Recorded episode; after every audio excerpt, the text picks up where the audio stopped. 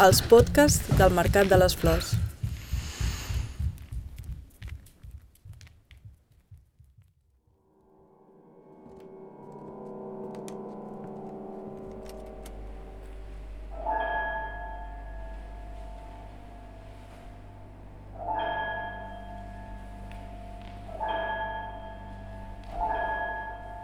Entrem al Teatre Estudi, on Serge Alabert assaja vestit de negre i amb uns mitjons grisos per damunt de les sabates. Si no, se li enganxarien en aquest linòlium gastat i es podria fer mal. Falten tres dies per la presentació al Mercat de les Flors de Framing Time, el seu darrer solo, creat a Nova York i produït pel mateix Mikhail Baryshnikov.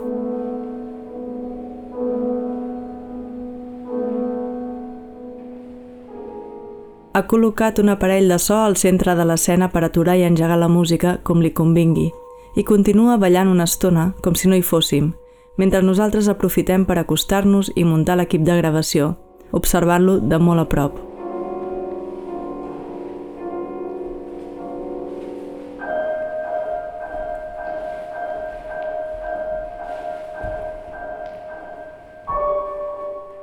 Es pot notar com la memòria va creuant parts del seu cos i es manifesta en petits focus d'atenció ara aquí, ara allà, com un escàner que ell dirigeix amunt i avall, aflorant imatges, transformant la seva presència sempre magnètica, fins que s'atura, apaga la música i comencem a xerrar.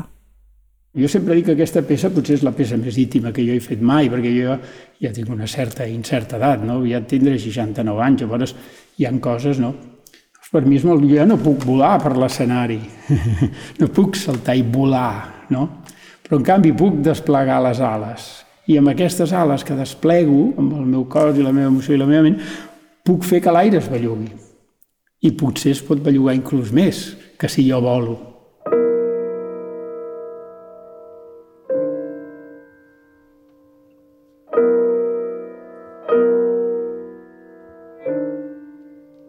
El primer de tot que vaig fer és un, són improvisacions. Al principi sempre faig alguna improvisacions, em poso la música i improviso. Per exemple, el primer moviment que jo vaig fer d'aquesta obra és això.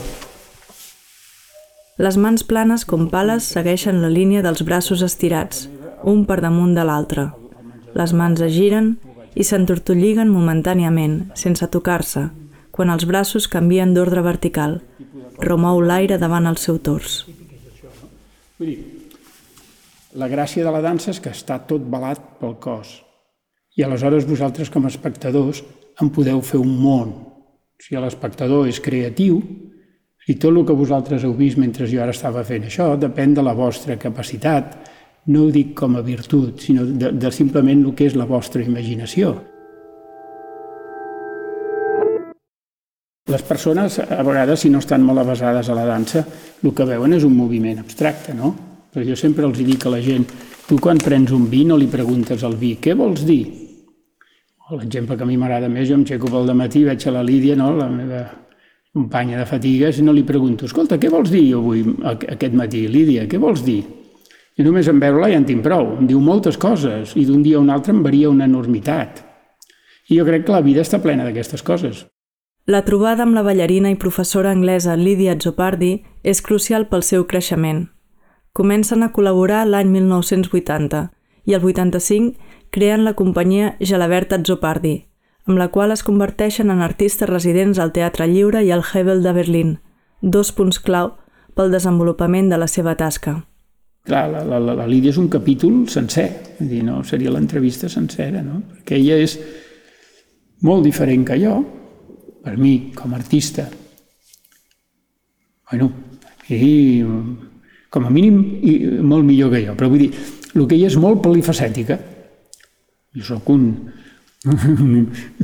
sóc un ballarí, jo sóc un ballarí, o sigui, és que en canvi ella és molt polifacètica, té, té unes virtuts de visió, d'art, li interessen mil coses i, i llavors, clar, a sobre ella té una vida culturalment molt rica, molt variada, molts Fa un temps que ella ja no balla, però continua col·laborant creativament amb el Cesc i a l'obra Framing Time ha fet el disseny de vestuari. Jo crec que la Lídia l'ha encertat molt bé, perquè té aquesta cosa de perla, no?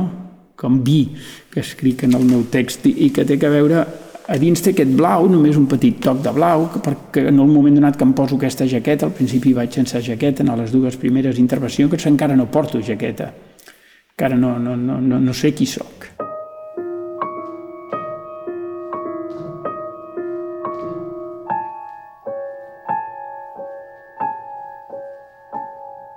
Bueno, eh, volia comentar Ara agafa una carpeta de papers amb alguns textos que ha escrit durant la creació de Framing Time, poemes d'imatges subtils, més que anotacions com les que podríem imaginar, i ens en va llegint alguns fragments durant la conversa. Al principi surt i entra translúcid de la llum, com una granota del fang. El primer que es veu, quan estic jo quan estic, començo l'espectacle se'n veu translúcid a través del plàstic.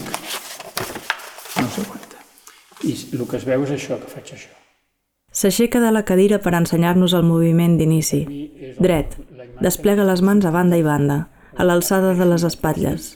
Amb els palmells ben oberts, fa baixar aquests pàmpols pels costats de la seva figura, dibuixant dos semicercles, mentre estira el coll amunt.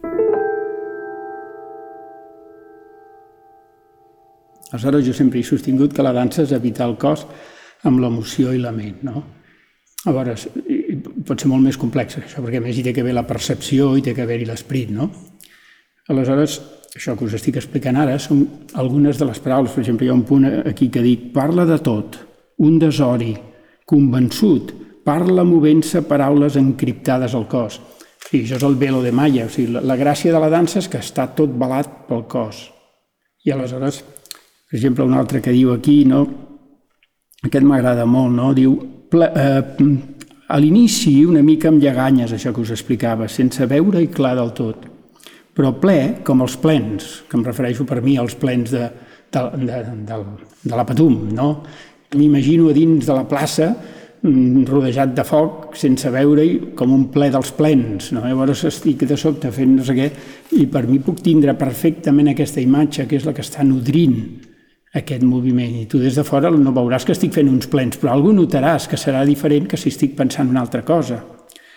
Llavors diu, desplega unes ales que no volen, però creen un aire fluid que ho envolta tot, no?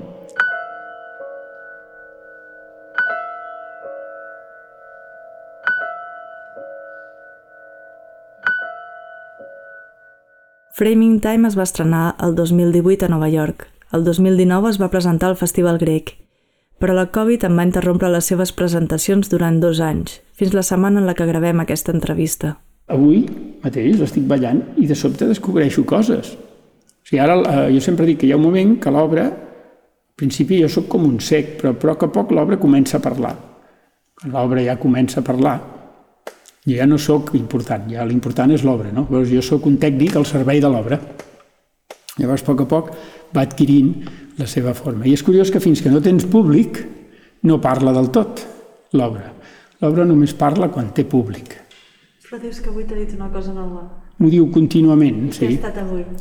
Pues, o sigui, per exemple, he trobat molts, molts detallets de, de, de moviments que no, que, no, que no se m'havien ocorregut. De, de, jo què sé, un pas que de sobte aixeco i m'ha portat una, una emoció que no se m'havia acudit, un, un caminar, estava avui caminant, en, caminant no? i me n'he donat compte que hi ha un moment que jo faig una L el treball de solo és una constant en la trajectòria de Gelabert.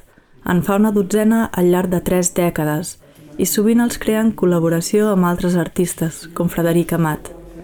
Amb un altre solista i coreògraf, Gerard Bonner, es troben a Berlín i es converteix en un aliat i un referent seu que faig, que per mi està lligada amb el treball del Bonner, que és aquest senyor que jo vaig ballar, i que per tant està lligat amb la dansa alemana, no? perquè té aquesta cosa de fer una L en l'espai, no? que té com una... És com, I la idea del caminar, que és com una mica l'essència de la coreografia. O sigui, la música, per exemple, l'últim que se sent de tot, correspon... Entre els papers que té a les mans també hi ha una partitura musical de la peça, les Triadic Memories, de Morton Feldman, que interpretarà en directe el pianista Petja Musevich, davant d'una escenografia de Burke Brown. Aquest és el germen del projecte que empeny Mikhail Baryshnikov a produir la peça amb Serge Gelabert. Uns anys enrere, Gelabert havia coreografiat una peça a Baryshnikov, Gelabert i Baryshnikov, segurament siguin els dos intèrprets i solistes més grans del seu temps.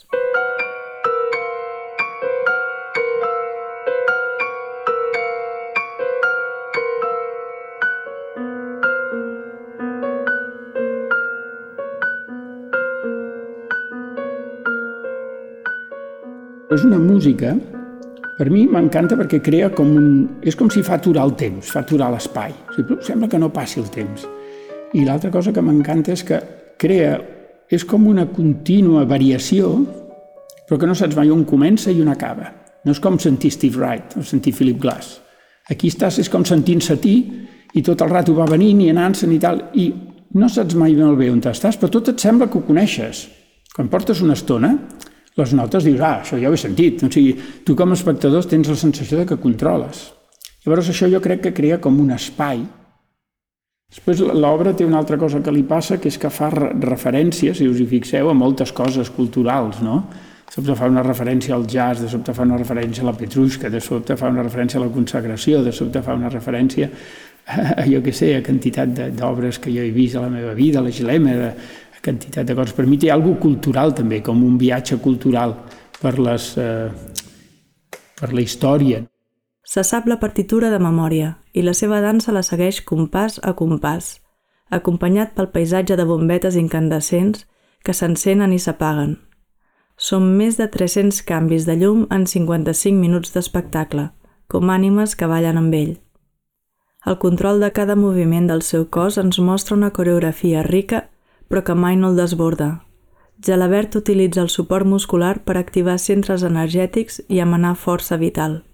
Jo sempre dic, doncs, som el resultat de tots els moviments que hem fet a la vida. Si tots els que fem són tensos, com acabaràs de gran? Doncs tens, no t'imaginis molt flexible, no t'imaginis que et podràs seguir dutxant sol a una certa edat si sempre estàs rígid com una pedra. O, no sé, aleshores aquesta qualitat del moviment doncs, per mi ha sigut inherent. Llavors, històricament també he tingut la sort de poder viure doncs, el que és l'arribada de totes les tècniques interiors que jo n'hi dic, però que són les somàtiques. No? Jo ho vaig fer, doncs, vaig estudiar des de Tai Chi, yoga, al final he treballat amb la Gija Díaz, que és la que m'ha fet de, de, aquesta tècnica que ara ja has d'explicar, de la Fedora Verestur, però és igual. La qüestió és que he treballat també molt aquesta vessant de les tècniques interiors i encara he tingut la sort de poder estudiar Graham, Cunningham, mm, jo què sé, totes aquestes més externes, no? Serge Alabert ha fet un viatge per disciplines molt diverses fins a trobar la seva pròpia, un esforç constant per esdevenir allò que volia.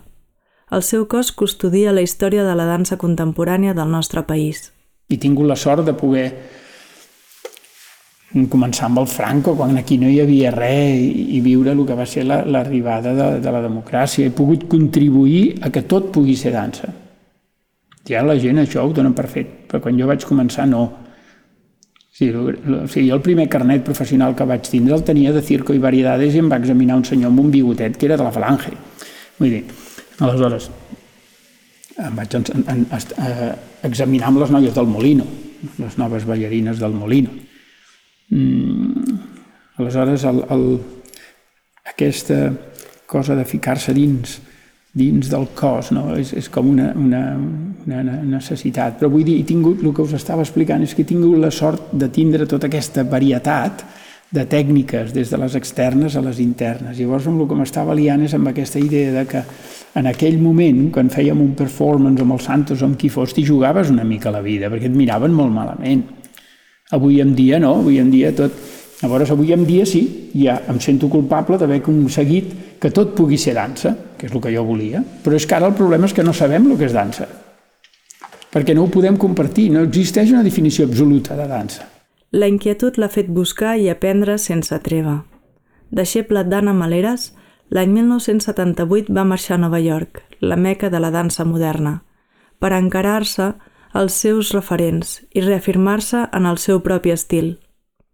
Allà va trobar-se amb altres joves promeses exiliades, com el músic Carles Santos o l'artista plàstic Perico Pastor. Però llavors, clar, en aquella època, per exemple, no hi havia cap beca per dansa, no hi havia cap ajut.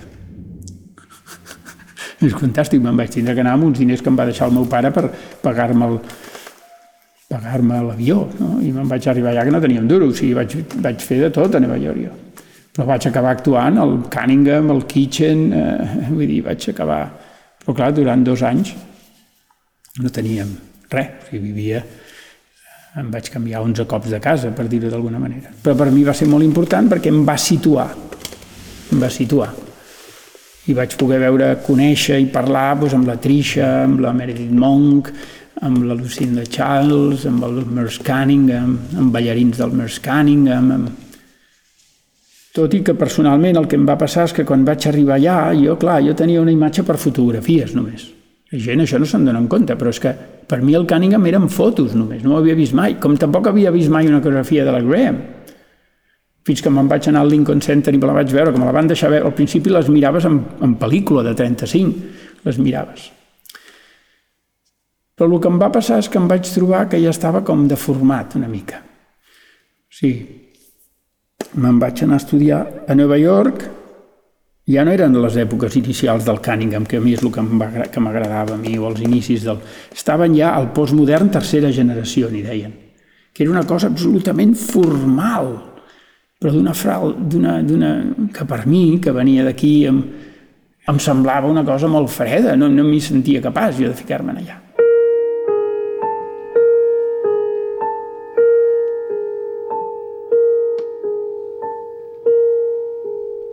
Exemple, la primera vegada que vaig actuar a Nova York vaig actuar al Kitchen, perquè jo a, a la Mama, que era una companyia de teatre que jo havia vist a Barcelona, i em vaig emparrar fins que l'Ellen Stewart em va deixar actuar al seu teatre. Va ser collonut perquè jo ni parlava anglès, em va deixar el teatre dues setmanes, imagina't, pum, aquest teatre, un teatre dels petits que tenia, perquè en tenia de petits, i em, però llavors què faig? I vaig tindre que fer la promoció i em va sortir crítiques al Village Voice, em va sortir una crítica al New York Times, vull dir, que és increïble, però vull dir-te, m'ho vaig tindre que fer tot jo. El, eh, el pòster me'l va fer el Perico i al pobre li va passar que es va morir el... Bueno, va tindre un problema, va tindre que tornar per Espanya, em va deixar el pòster fet en allà amb letracets i just us va sortir, al cap d'una hora les letracets es van començar a aixecar. Si, si t'ensenyo el pòster veuràs que estan totes les lletres tortes, perquè les vaig enganxar jo damunt del letracet. Però va arribar un moment que vaig decidir que jo tenia que tornar aquí, que és on... De... Jo he intentat fer cultura en aquest país. Aleshores, és el que jo n'hi dic la diversitat informada. Ja, o sigui, jo sempre m'he informat, he viatjat per tot el món, he tingut la sort de fer produccions al Japó, no sé què, però jo sempre he intentat tornar aquí a fer la meva síntesi.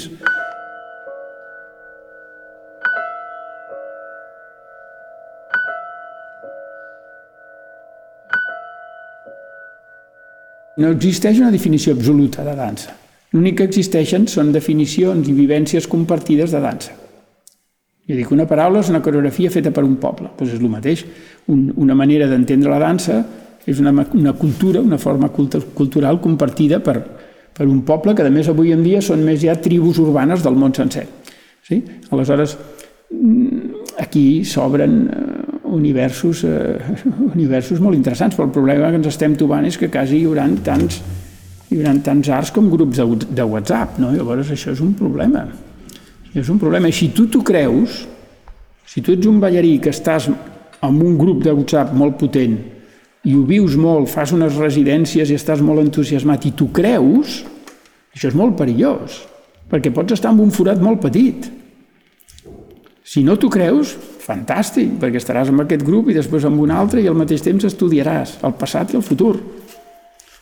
Llavors, bueno, no sé, i ara, clar, ja per això també m'interessa molt la dansa fora de, de l'art. M'interessa, ara el que he fet fa poc és un curs per infermera, al Col·legi d'Infermeria de Barcelona. No? M'interessa molt aquesta visió de la dansa, que és un bé el cos. No? De... I què els ensenyaves a les infermeres?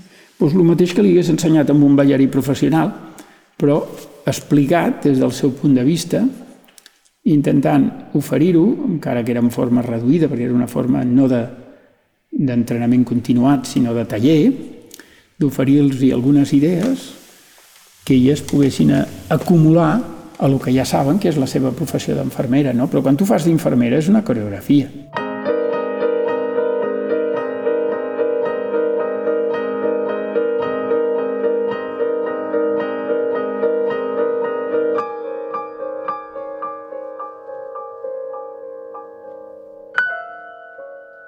Tot això va amb la cosa aquesta de la cura, del cos, del públic. El públic és el gran heroi, no els artistes. És més important el públic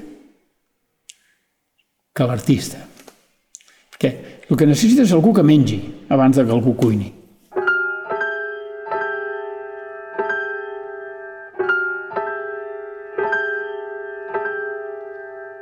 Sí, la meva definició d'ara és com un somni compartit, té que ser pel que ho fa i pel que ho rep, com un somni compartit i en estat de vigília, no? Per exemple, una de les grans avantatges per mi ara és que jo puc ballar ara en un escenari i puc sentir el públic. Sí? Com ara puc parlar amb vosaltres i estic en un moment que jo no estic només preocupat de lo que dic, o sigui, us puc sentir que parlo a vosaltres. Sí? Perquè sentir que parles a un altre, tu tens que estar tranquil. I aleshores, perquè jo pugui estar per damunt d'aquesta música, que ja no hi tingui ni que pensar, si no, si estic pensant en la música no puc sentir el públic. Sí? Com quan algú t'explica alguna que tens la sensació de que tu et podries apartar, poses allà un maniquí i seria el mateix, perquè està tan enrotllat amb el seu problema que no t'escolta. I això abans no passava? Aquesta, això de sentir el públic, que abans no el senties... El sentia, sempre l'he sentit, perquè a mi sempre m'ha obsessionat el públic. Per exemple, jo tinc molt com orgull que moltes crítiques parlen dels meus ulls, el qual per mi és un orgull.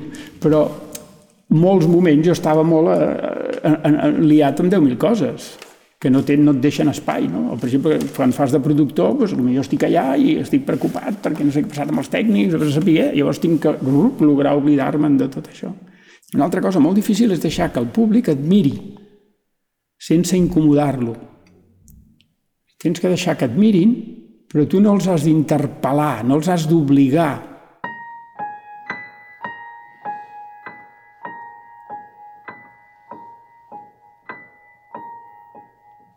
Recentment ha publicat un llibre titulat El que m'agradaria que la dansa fos, editat per Joaquim Noguero i fa un recorregut entre el que anomena la dansa de la vida a la dansa com a art, és a dir, de l'anàlisi del moviment en si, amb comentaris pedagògics i estratègies de transmissió, fins al seu ús artístic, el marc cultural i l'ofici de ballarí.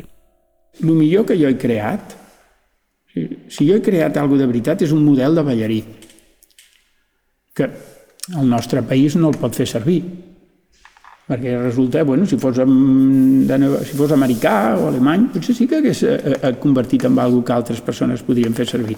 Aquí no, aquí queda amb que jo sóc doncs, una persona que tinc la meva manera de ballar, no? un ballarí, que és amb el que em recordaran, però mm, és, és una... Per mi el, que jo, el millor que he creat és això, perquè és una cosa sofisticada. L'art, per mi, té que ser algo que ajuda a la societat a, a reiniciar-se, m'agrada dir a mi, no? Si l'art és un somiar despert, per tant, si tu estàs de mal humor, pots anar allà i sortir bé. O sigui, tu tindries que anar a veure una obra d'art i sortir bé, encara que vegis un Bergman. No sé si m'explico. Vull dir, perquè l'art té aquesta funció. El ser com un somni és com somiar, que ens, que ens pot reparar, encara que sigui una pesadilla.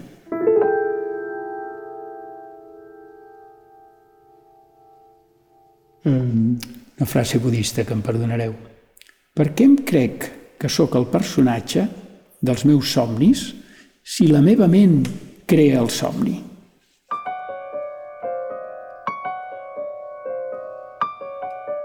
Fa bastants anys, a finals dels 90, vaig entrar en crisi i de fet m'he deixat de ballar. Només he pogut seguir ballant perquè m'he fet budista, perquè vaig trobar el meu mestre budista que m'ha permès tenir una visió que abarca el cosmos sencer, o sigui, abarca aquesta vida, les passades sense fi, les futures sense, també sense fi, si no surts del, del famós samsara. Vull dir-te, m'ha donat una visió còsmica entre jo i tots els demés. Jo no em sento tan separat dels demés. Aleshores, mm, això m'ha permès començar-ho a relligar tot. Que si no, jo no li trobava el sentit a l'art, perquè aquest art xamànic que jo volia no imparava gens. a partir dels 80 el que interessa són coses molt diferents. Aleshores, doncs, bueno,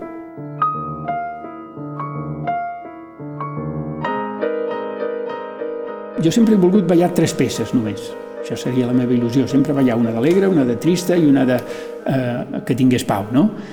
I sempre fer aquestes mateixes, i que el públic ja s'ho sapigués de memòria, i tots junts ho féssim. Perquè els grans rites de la vida són molt repetits. Sí, per exemple, els actes sexuals, és una cosa que ens segueix interessant, no sé per què, però no, no és que sigui, al fons, essencialment, sí, fas variants, però l'assumpte s'assembla. Sí, o quantitat, beure't una copa de vi. Vull dir, aleshores, aquestes obsessions m'han atravessat sempre. Ara el que passa que estic en la fase que em toca ser essencial, em toca destil·lar-ho, fer-ho sense volar, només veiuant desplegant les ales.